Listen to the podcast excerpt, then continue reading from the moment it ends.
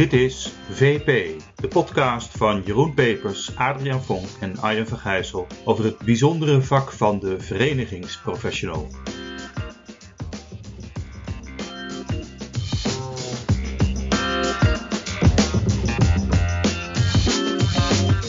Welkom eh, beste luisteraars bij weer een mooie podcast van de Verenigingsprofessional. En ook dit keer hebben wij weer een eh, hele fijne gast in ons midden. Dat is namelijk Jan-Dirk van der Zee. Hij is directeur amateurvoetbal bij de KNVB. Ja, we gaan met hem praten over nou, de veranderingen in het amateurvoetbal. Ja, en dan heb je het dus over verbreding van het voetbal, zeg maar het moderner maken, kleinere veldjes, minder spelers, uh, nieuwere vormen van pupillenvoetbal, dat soort zaken. Ja, welkom Jan-Dirk. Goedemiddag. Ja, welkom. Ja. En uh, nou ja, om over die veranderingen in het amateurvoetbal maar meteen te hebben. Misschien kun je ons meenemen van uh, waar ben je begonnen? Wat trof je aan? Oh. Nou, ik, ik, ik, trof in ieder geval een hele grote uh, stilstand aan. Want er was in uh, decennia, ja, ja, goed in de operatie prima hoor, maar in de, in de ontwikkeling van het voetbal was er gewoon vrij weinig gebeurd. Ja. Ehm, dat, dat, had twee oorzaken. Dat had met het model te maken waarin de KNVB werkte, het governance model. Met allemaal districtsbestuurders, vrij autonoom, bij elkaar opgeteld 600 mensen die iets van de KVB mogen vinden. Nou, dan weet je dat je sowieso weinig vooruitgang boekt. Voor toen prima, voor nu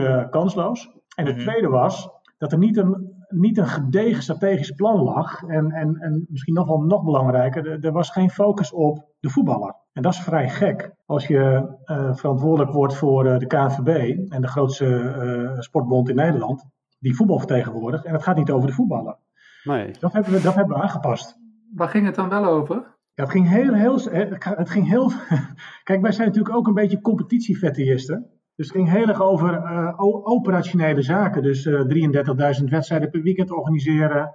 Uh, je tuchtsysteem goed op orde hebben. Scheidsrechters, trainers, opleidingen. Allemaal hartstikke prima. Maar het ging niet over voetbalvernieuwing. En hoe kunnen we nou bijvoorbeeld de jeugd met nog veel meer plezier laten voetballen? Of hoe kunnen we de volwassenen, in plaats van op, op een veld 11 tegen 11, op een kleine veldje kunnen, kunnen laten spelen tegen elkaar? Hè? Dus.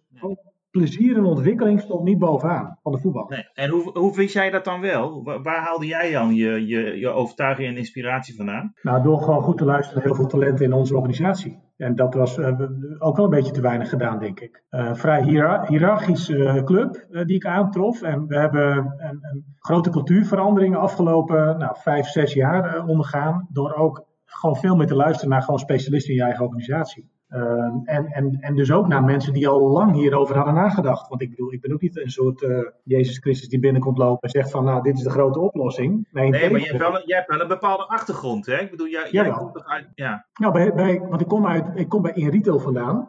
Daar ben ik uh, 16 jaar algemeen directeur geweest van, uh, van een hele mooie brancheorganisatie, een mooie tijd gehad. En daar hebben, hebben we eigenlijk in 2010 dezelfde stap gezet. Door die consument veel centraal te stellen. Hè. Dus eigenlijk over je kanaal en over je achterban heen. Want dat waren de 17.000 aangesloten winkeliers. Zijn wij uh, heel erg na gaan denken over hoe beweegt die consument zich nu? Nou, dat, en die, ja. die voetballer, die, voetbal is ook een consument. Dus, ja. Jan Dirk, want je bent toen dus, je bent, wat, wat leverde dat luisteren op? Hè? Dus wat was uiteindelijk dan je verhaal? Hè? De consument centraal, voetballer centraal, snap ik. Maar wat was uiteindelijk dan wat je wilde bereiken? Dus wat was het, wat was het verhaal waarmee je dan uh, het land introk, zeg maar? Het verhaal wat wij wilden bereiken is dat wij meebewogen met wat die klant wilde, of die consument of die voetballer wilde. En uh, da daar stonden best wel een aantal dingen die wij deden haaks op bij de beelden die voetballers hadden. Er zijn weinig grote veranderingen doorgevoerd in het voetbal. De laatste is ergens uh, begin jaren negentig uh, gedaan, hè, dat we van een heel veld naar een half veld gingen. Ja. terwijl we ook merkten dat heel veel voetballertjes, en niet, niet de prestatieve voetballers, want ik bedoel, die, daar gaat het altijd goed mee. Die hebben de beste trainers, die hebben de beste accommodaties, alles en nog wat. Maar het gaat om die, wat is het, een kleine half miljoen andere jeugdspelers in Nederland. die gewoon minder plezier ervoeren dan uh, zeg maar vroeger. Dus ja, daar, ja. moesten we, daar moesten we iets mee doen. En dat hebben we gedaan. En wat, wat hebben jullie precies gedaan? Dus wat is er, wat is er gebeurd in het amateurvoetbal? Ja, het, het, klinkt, het klinkt helemaal niet zo revolutionair, maar in het voetbal is het wel heel, heel revolutionair geweest. Omdat het ook impact heeft op uh, nou, een kleine anderhalf miljoen mensen. Uh, ja. we zijn, we, we, en de jeugd zijn, is bij ons anders gaan voetballen. Dus op kleinere veldjes, in kleinere aantalletjes in, in, het team. Waardoor je meer balbezit, meer scoren, uh, veel meer spelbeleving. Dus uiteindelijk ging het, het voetbalplezier ging, op hoog, ging omhoog en je ontwikkelt je ook nog een keer beter. Dus weet je, die twee varianten hebben we gewoon goed aangepakt. Maar nou dat is het was toch gewoon Johan Cruijff, of niet, die dat zei? Of- Ja, want hij heeft het. Wat, ik bedoel, het komt van de straat. Eigenlijk Ja. is het het straatbeeld verplaatsen naar de voetbalvereniging. En daar was Johan Cruijff zeker voor. Eh, maar in andere landen gebeurde dit al eh, 8, 9 tot 10 jaar. Eh, dus we hebben het goed gejat. Hè, zou je kunnen zeggen, we hebben het wel goed uitgevoerd en doorgevoerd. Eh, maar het was niet revolutionair. Nee.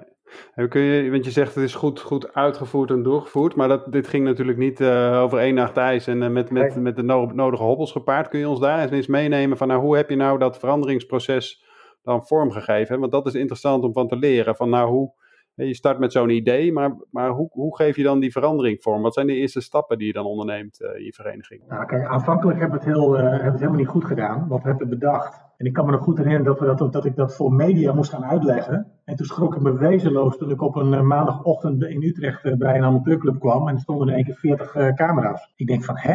Oké. Volgens mij hebben- Volgens mij hebben we toch alleen maar wat jeugdvoetballers in Nederland anders laten voetballen. Maar dat had enorm veel impact, omdat het een hele conservatieve wereld is. Met de, en vrijwilligersorganisaties heb je natuurlijk mee te maken. Een kleine half miljoen mensen die betrokken zijn, direct. Mhm. Dus, dus, eh, dus het idee was goed, het onderzoek erachter was goed, eh, het onderzoek onder de jeugd was heel goed gelopen. Voetbaltechnisch klopt het allemaal. Alleen wat we niet goed hadden gedaan en hebben gedaan, en dat hebben we wel vrij, snel gecorrigeerd, is dat we die achterban niet direct mee hebben getrokken in, eh, in dit besluit. En daar kwamen we vrij snel achter. Dus toen zijn we als de, de, de, de, de, wie de De, weer de achter- de achterban bedoel je je leden, je eigen Ja, de leden, de, leden. de voetbalverenigingen. De voetballers zelf, eh, hè, dus je leden, maar ook alle vrijwilligers en bestuurders die het allemaal op hun, eh, op hun voetbalclub natuurlijk eh, maar moeten organiseren. Dus wat we daarna hebben gedaan is in een tijdsbestek van een kleine vier maanden zijn we gewoon door heel Nederland gaan crossen. Zijn we, in, in, we hebben in iedere kantine in Nederland gestaan, denk ik. Hebben we uitgelegd wat, waarom we dit doen. Hè, vanuit die Wie zijn we? Wie zijn we? Want jij, jij niet in je Mijn collega's, natuurlijk. nee, ik zelf niet. Ik zelf, ik zelf zeker niet. Want ik bedoel, dat kun je onmogelijk je eentje doen. Maar we hebben zo'n eh, nou, dikke honderd mensen die direct betrokken zijn bij de clubs. Hè? Dus dat zijn onze, onze buitenspelers, zou je kunnen zeggen.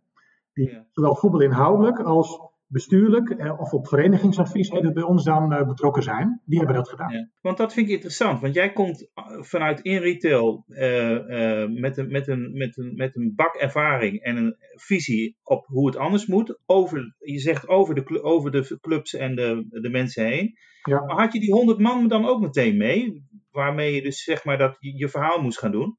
Had je, Nee, waren die ook meteen nee. overtuigd? Nee, zeker niet. Nee. Kijk, voetbal is conservatief. Maar dat betekent natuurlijk ook dat de mensen in het landschap. eh, en, die zitten, en, die, en die, die zitten ook nog steeds bij de KNVB. En er is helemaal niks mis mee. Die, een deel daarvan is conservatief. En, en, en vond, het, hij vond het maar niks.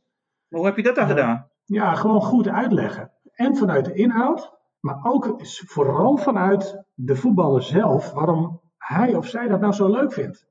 En dan kun je natuurlijk, dan kun je natuurlijk als medewerker van de KNVB nooit zeggen. Nou, hartstikke leuk, beste voetballer, jij het leuk vindt. Maar we gaan toch even anders doen. Zo werkt het niet. Nee. Dus dat, dus dat konden we ook in dat proces wel goed duidelijk maken. En weet je, ik heb ook wel geleerd in dit soort processen, ook bij in retail, maar ook nu, nu bij de KNVB zeker. We hebben nog wel een paar van dit soort trajecten, trajecten gehad. Je moet gewoon de kopgroep meekrijgen. Achterblijvers moet je vooral negeren. Van, van goede informatie voorzien. En het gaat om het peloton. Die 60% moet je meekrijgen in het verhaal. En dat is ons goed gelukt in dit voorbeeld. Ja, nou, want die honderd collega's van jou die zijn dus richting eh, dat peloton getrokken. Zeg maar allerlei Ja, ja. avondsessies, eh, vergaderingen, presentaties, Avondsessies. dat soort, Ja, eh, dat soort presentaties in de, dingen. in de praktijk op het veld. Want voetbal is natuurlijk ook beleving en emotie. Dus op het veld laten zien hoe het dan eruit ziet. Hoe die, hoe die jongetjes en meisjes tegen elkaar voetballen. Nou, dat heeft gewoon goed gefunctioneerd. En jij zei dus dat je bij de eerste keer meteen eh 40 camera's had. Dat lijkt me ook wel iets speciaals hè, van de KNVB. Dat je vaak, als je iets voorneemt, dat je dan ook vaak de, wel de pers of zo erbij kan halen. Hè? Dus dat je communicatie ook buitenom gaat. Niet alleen maar binnen, langs de binnenlijn, maar ook, Ja. werkt dat zo? Ja, dat werkt, dat werkt eh, voor een groot gedeelte werkt dat zo. Je merkt ook vaak in het voetbal dat, dat er iets wordt gelekt. En dus daar moet je gewoon rekening mee houden. Dus je strategische communicatie moet goed op orde zijn. Die- Dat was toen niet zo. Dat hebben we nu echt wel beter op orde. Eh, nou, eigenlijk alle grote besluiten die we nemen, dan denken we al goed na, oké, bij wie komt dit te liggen? Hebben die een belang? Eh, Vinden die het leuk? Vinden die het interessant? Ja, oké, nou dan moeten wij gewoon eerder dan, zeg maar even, het nieuws naar buiten. En soms ook even bewust lekken. Ja. In, het begin, in het begin zei je iets over dat de governance structuur nog niet helemaal. eh, nou, dat is, nou, dat is een prachtig woord, de governance structuur. Maar dat betekent dus Ja. dat je waarschijnlijk niet alles kon doordrukken wat je wilde.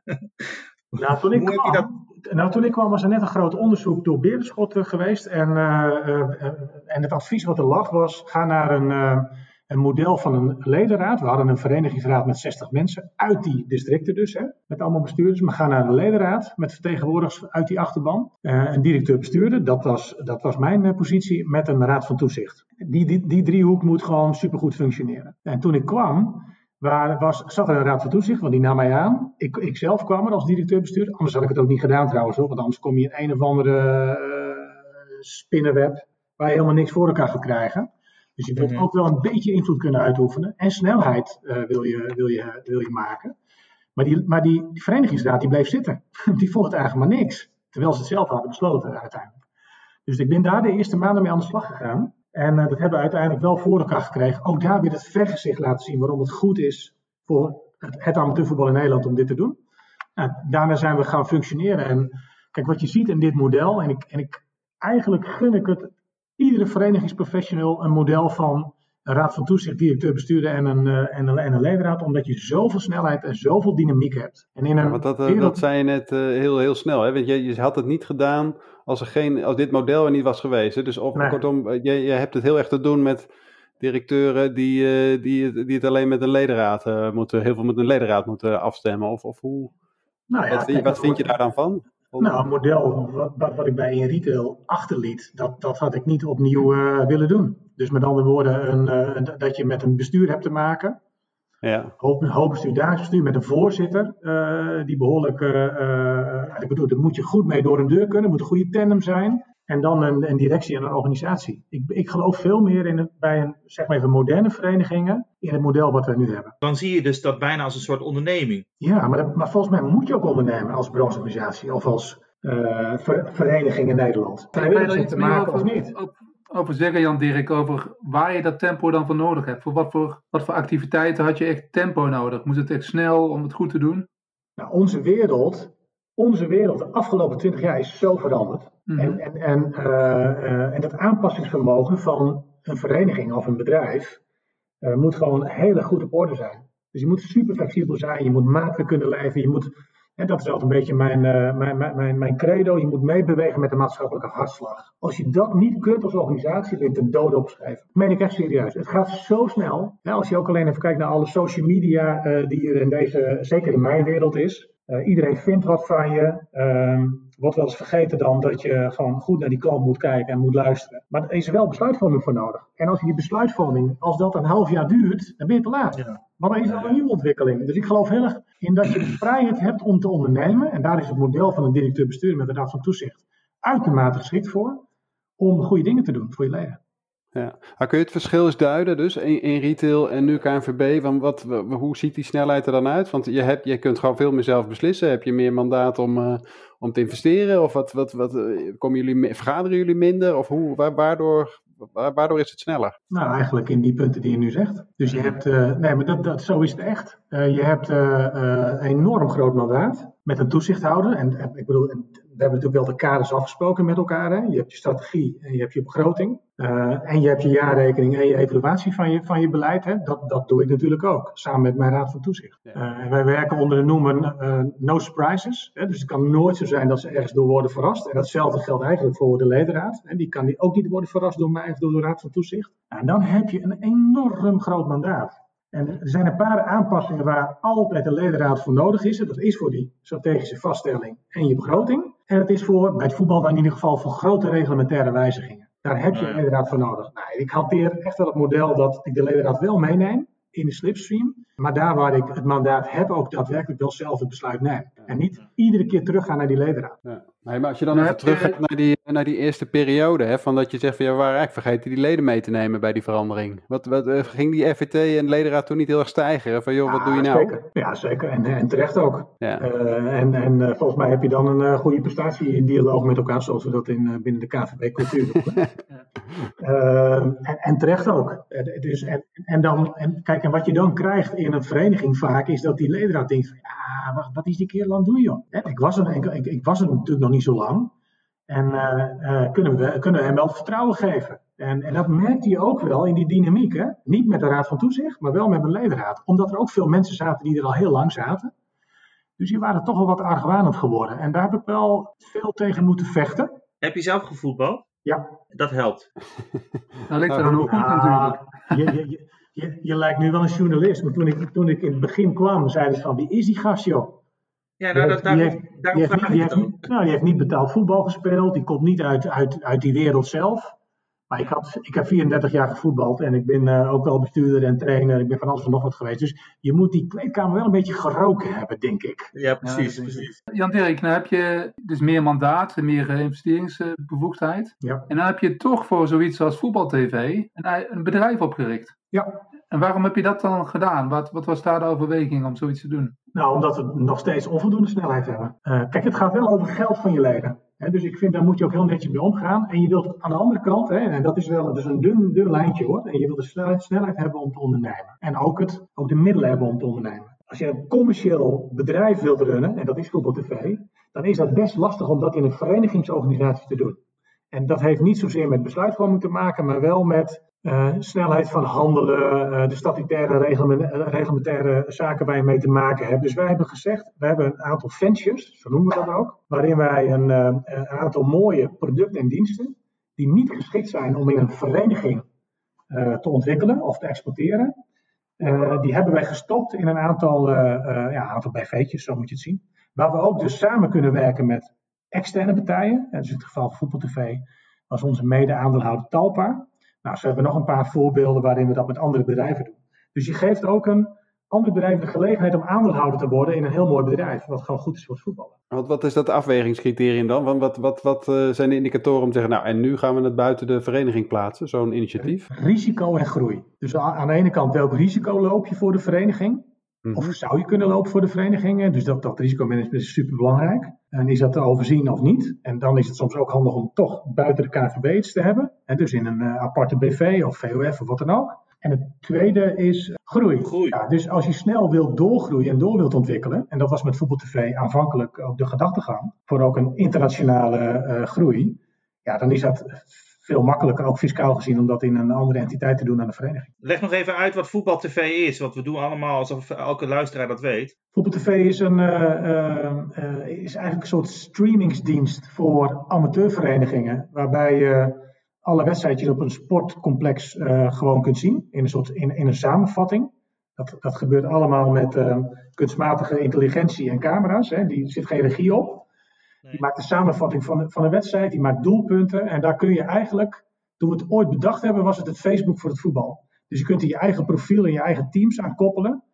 Eh, dat was de achterliggende gedachte. En we hebben, eh, uiteindelijk liggen we bij een kleine 300 verenigingen in Nederland. Maar goed, heeft de autoriteit persoonsgegevens gezegd van, nou, het mag niet. Nou, toch maar even niet. Ja, wat Nee. vind je daarvan? Die, eh? die autoriteit, hè, die zit, Ja. die zit die verenigingen wel vaak dwars. Ik vind dat ze tijdens de, tijdens de wedstrijd de spelregels hebben veranderd. Eh, want daar, uiteindelijk ging het daarom. hoe, En, hoe eh, bedoel je dat? Wat, wat hebben ze dan eh, in jouw ogen veranderd? Nou, kijk, wij hadden een gerechtvaardigd belang. Hè? Met andere woorden, een vereniging mag dan beelden uitzenden van clubs en teams en spelers die daar voetballen. En de AP ging gedurende het proces gingen ze naar individuele toestemming. Ja, dat is onmogelijk. Want als Adriaan, als jij dan op, eh, op het voetbalveld komt en jij vindt daar wat van, hè, dan, dan, dan, dan hadden we jou moeten vragen of jij wel toestemming had, hebt gegeven om eh, jezelf op, op beeld te zetten. Nou, dat, dat wilden we niet. Nee. Dan had je dat in het lidmaatschap moeten opnemen of zo. Als je dan lid wordt van een voetbalclub, dan zit het er al in. eh. Maar dat is dat gerechtvaardigd belang. Hè? Dus via een algemene ledenvergadering en een bestuur vraag je een toestemming aan je leden. En die, als die ja zeggen, dan is dat gewoon geaccordeerd. Maar dat mocht niet meer. Jeetje, wat doet dat met jou, zo'n zo'n uitspraak? Het voelt enorm onrechtvaardig. En dan kom je, dan kom je, dan kom je wel een beetje op een, op een hellend vlak. Want je onderneemt ook met geld van je leden. Ja, En eh, kijk, in dit bedrijf zit miljoenen. En dan denk je wel van, oké jongens, poeh. Misschien, eh, we hebben trouwens, eh, volgende week komt de uitspraak van de rechter. We hebben nog wel een eh, juridische procedure zijn gestart. Ook voor het vervolg hè, van, van dit soort producten naar de toekomst toe. Eh, wij zullen met Voetbal TV, eh, eh, nou goed, Voetbal TV is failliet. Maar we gaan wel kijken, ja, moeten we nog doorgaan, ja of nee, in een andere vorm. Dus dat, wat het met doet, is met name die, on, die onrechtvaardigheid, omdat het potentieel zo groot was. Even voor, even voor jullie ook. Hè. We hadden 500.000 gebruikers. Dat is, ik ken bijna geen, geen platform die, die, die, dat heeft in Nederland op dit vlak. Nou, en ik, ik vond vooral ik, dingen als bijvoorbeeld dat je, dat je grootouders mee kunnen kijken bij voetbalwedstrijden. Dat is toch fantastisch? Ja, ja, zeker nu in uh, coronatijd uh, zo helemaal... Uh, ja, het is nu helemaal hard gelachen. Ja, ja, ja, ja, daar ben ik echt doodziek van. Ja. Even over jouw mensen, hè? want wij vragen in deze podcast ook altijd van hoe krijg je je eigen mensen mee? Wat betekent dat eigenlijk als jij een visie hebt tot verandering? Nou, dat heb jij heel duidelijk. Wat vraagt dat dan van je mensen? Moet je dan ook andere mensen in dienst nemen? Of weet je de mensen die er zitten eh, op een andere manier uh, uh, in te schakelen? Wat vraagt dat van competenties voor mensen? Nou, kijk, bij de KVB werken 600 mensen. Dus dat is, vrij, is echt een grote organisatie. Dat, dat was ik ook niet gewend. Toen ik in het begin kwam, dacht ik van, nou weet je, dat varkentje, dat, dat, dat was het me wel even. Maar dan kom je ook wel in een andere realiteit. Namelijk dat er heel veel mensen al jaren rondlopen in een organisatie. Eh, allemaal met verschillende kwaliteiten en specialismen. En dus daar ben ik in, na een half jaar ongeveer wel beter gebruik van gaan maken. En dat is eigenlijk ook wel een beetje mijn credo geweest van de afgelopen jaren. Gebruik maken van de kwaliteit van mensen in de organisatie. En dat, hebben we, uh, dat, dat moet aan de hand van de strategie die we met elkaar hebben ontwikkeld. We hebben een cultuurprogramma ontwikkeld, hè, waar het ook veel meer ging over servicegerichtheid, de klant centraal stellen. Geen excuses, hè, want dat is natuurlijk ook wel uh, vaak een, uh, een issue in een organisatie die aan het veranderen is. Dus we hebben onze mensen daarin meegenomen. We hebben ook wat nieuwe mensen aangetrokken, fris bloed. Dus bloed is gewoon echt goed. En wat ook goed is in mijn wereld, is dat je mensen buiten het voetbal aanneemt. Dat helpt, hè? dat geeft, geeft gewoon toch een andere, een andere kijk, een andere visie. Uh, neemt dat weer met zich mee. Ja. Dus dat, dus dat hebben we gedaan. Maar ik geloof heel sterk in het feit dat, kijk, ik ben misschien wel de voorman. En uh, dat doe ik samen met Erik Gudde, die verantwoordelijk is voor betaalde voetbal. Dus dat moeten wij ook uitstralen. Dat boekbeeld wil ik ook graag zijn. Ik wil daar veel inspiratie geven, maar uiteindelijk moet de organisatie het zelf doen. Ja. En die hebben we wel in beweging gekregen. En dat, dat is echt, het komt van, van wat meer een top-down organisatie naar veel meer nu bottom-up. Maar eigenlijk iedere medewerker nu op dit moment aan gewoon gezamenlijke doelen werkt om de KVB en het voetbal in Nederland leuker te maken. En dat is een beetje de, de gedachtegang. Ja, klinkt mooi. Hey, nou hebben wij een, een boek geschreven hè, over de verenigingsprofessional, waarin we ook een aantal dingen stellen van, nou, hè, generiek zou een verenigingsprofessional uh, nou, dit en dat moeten kunnen. Wat, wat zou mhm. dat dit en dat volgens jou uh, zijn? Hè? Dus waarvan zeg je van, nou, de mensen die bij ons werken in zo'n verenigingssetting, dan zeg ik, nou, let ik altijd op dit, dit en dit. Heb je dat soort dingen? Of? Ja, dat denk ik. De markt goed kennen. Twee, je moet ook generalist zijn. Uh, ik denk dat je als leider in een vereniging echt van alles een heel klein beetje moet weten. En vooral een heel klein beetje. Drie, je moet enorm verbindend zijn. Daar ligt wel een grote kracht van mij, denk ik. Ik moet eigenlijk andere mensen zeggen, maar dat krijg je wel vaak terug. Want je moet al die kikkers wel in die kruiwagen houden. En dat was bij Retail met 17.000 uh, winkeliers. En dat is hier met 1,2 miljoen uh, voetballers en 3 miljoen betrokkenen. Um, dus het gaat alle kanten op. Het is heel belangrijk om, dat, om daar goed en, in te blijven verbinden. Zowel intern als extern. Ja. Ja. En die verbinding naar buiten toe is ook heel belangrijk. En tot slot, je moet ook snappen wat er gebeurt in de maatschappij. Je moet een beetje van de. Ja, goed, dat, dat, goed, dat is ook hoe ik ja. zelf in elkaar steek. Je moet van de straat zijn. Je moet die straat ja. snappen. Ja. Ik denk dat dat wel belangrijke ingrediënten zijn. Hoe is dat voor een, uh, nou, hè, iemand die dus een van die honderd die naar al die verenigingen is gegaan? Van wat, wat, wat, hoe ziet dat eruit, dat verbinden? Wat doet diegene dan om verbinden te zijn met jullie leden? Hoe, hoe word je een verbinder?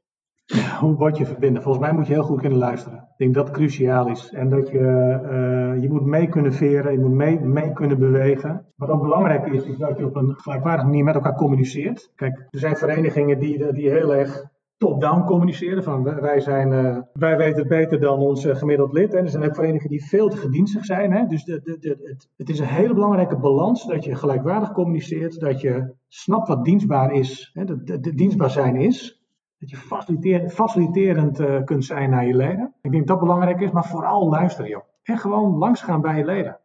Kijk, dat deden wij ook veel te weinig. Veel te beheersmatig, veel te financieel en operationeel ingestoken. Wij zijn de grote competitieplanners van Nederland. Ja, bureau uit Zeist.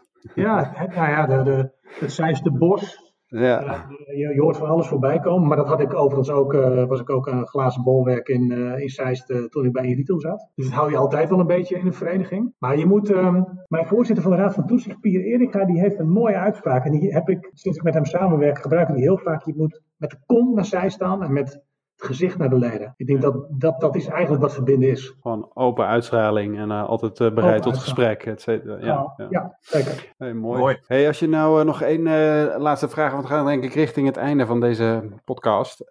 wat is nou jouw grootste leerpunt in deze jaren KNVB? Wat is, waarvan zeg je van nou, daar heb ik nou echt het meest van geleerd? Koers vast blijven echt koersvast blijven. Echt geloven in wat je met je eigen mensen, je eigen professionals uh, hebt, uh, hebt neergezet en hebt, uh, hebt ontwikkeld. Is dat dan jouw koers? Nee, dat is, dat, is, dat is de strategie, de koers die je met elkaar maakt en hebt bepaald. En daar heb je iedereen bij betrokken. En op een gegeven moment moet je daar dan ook wel even aan vasthouden. Want je wordt natuurlijk veel afgeleid hè, op zo'n proces van, om van A naar B te komen. Dus dat koers vastblijven is belangrijk heel veel vertrouwen hebben in je eigen mensen. Uh, want je wordt ook verleid door je achterban om uh, kritisch te zijn, soms naar je eigen organisatie toe. Dat kan ik ook zijn, maar ik blijf wel altijd achter mijn eigen mensen staan. Nou goed, dat is een soort rode draad in uh, mijn antwoorden, merk ik ook. Gewoon goed blijven begrijpen wat er in de wereld gebeurt. Kijk, kijk alle digitaliseringsprocessen die nu plaatsvinden. Ik was uh, drie jaar geleden in South by Southwest in Texas. Weet je, daar, daar zijn de grote start-ups, hè, de, WhatsApps en de, uh, de Facebook en de LinkedIn, zijn daar uiteindelijk ontstaan. Dat waren allemaal kleine start-upjes. Ik heb daar echt geleerd dat je open, open moet staan voor verandering, vernieuwing. Uh, en als je dat niet doet als organisatie, uh, uh, dan nou, weet je, de houdt wel even vol. dan is een vereniging sterk. En dan heb je met leden te maken en heb je contributieinkomsten. Maar in de loop van de tijd gaat dat tegen je werken. Ja, kalft dat af en wordt het minder. Ja. Zeker. Ja, dus ja. Nou, dat, dat, dat, dat, maak je wel heel duidelijk. Hè? Dus die, die ondernemingsgeest binnen je club en daar ruimte voor zoeken. Ja. Nou, dat is voor, voor jou zeg maar echt voorwaarde om succesvol te kunnen zijn. Ja. De vereniging is voor mij echt een bedrijf. Hè. Alleen ik vind het model van de vereniging prachtig. Hè. Dus uh, het, het, coöperatieve, het verbindende, het met elkaar doen, zit altijd een maatschappelijk tintje aan. Hè. Dus die combinatie publiek-privaat vind ik altijd super interessant. Dat is, dat is gaaf om in een vereniging te werken, maar je bent ook gewoon een bedrijf. Dus je moet ook gewoon zakelijk zijn en besluiten nemen. Nou, die, en die wisselwerking is cruciaal. Ja, ja. mooi. Ja, mooi. De vereniging is gewoon een bedrijf. Nou, ik heb een mooie, mooie slotquote. Ja. ja, dankjewel uh, Jan Dirk voor je tijd en uh, ons inkijkje in uh, nou ja, jouw visie en jouw blik op verenigingen. Tot de volgende podcast.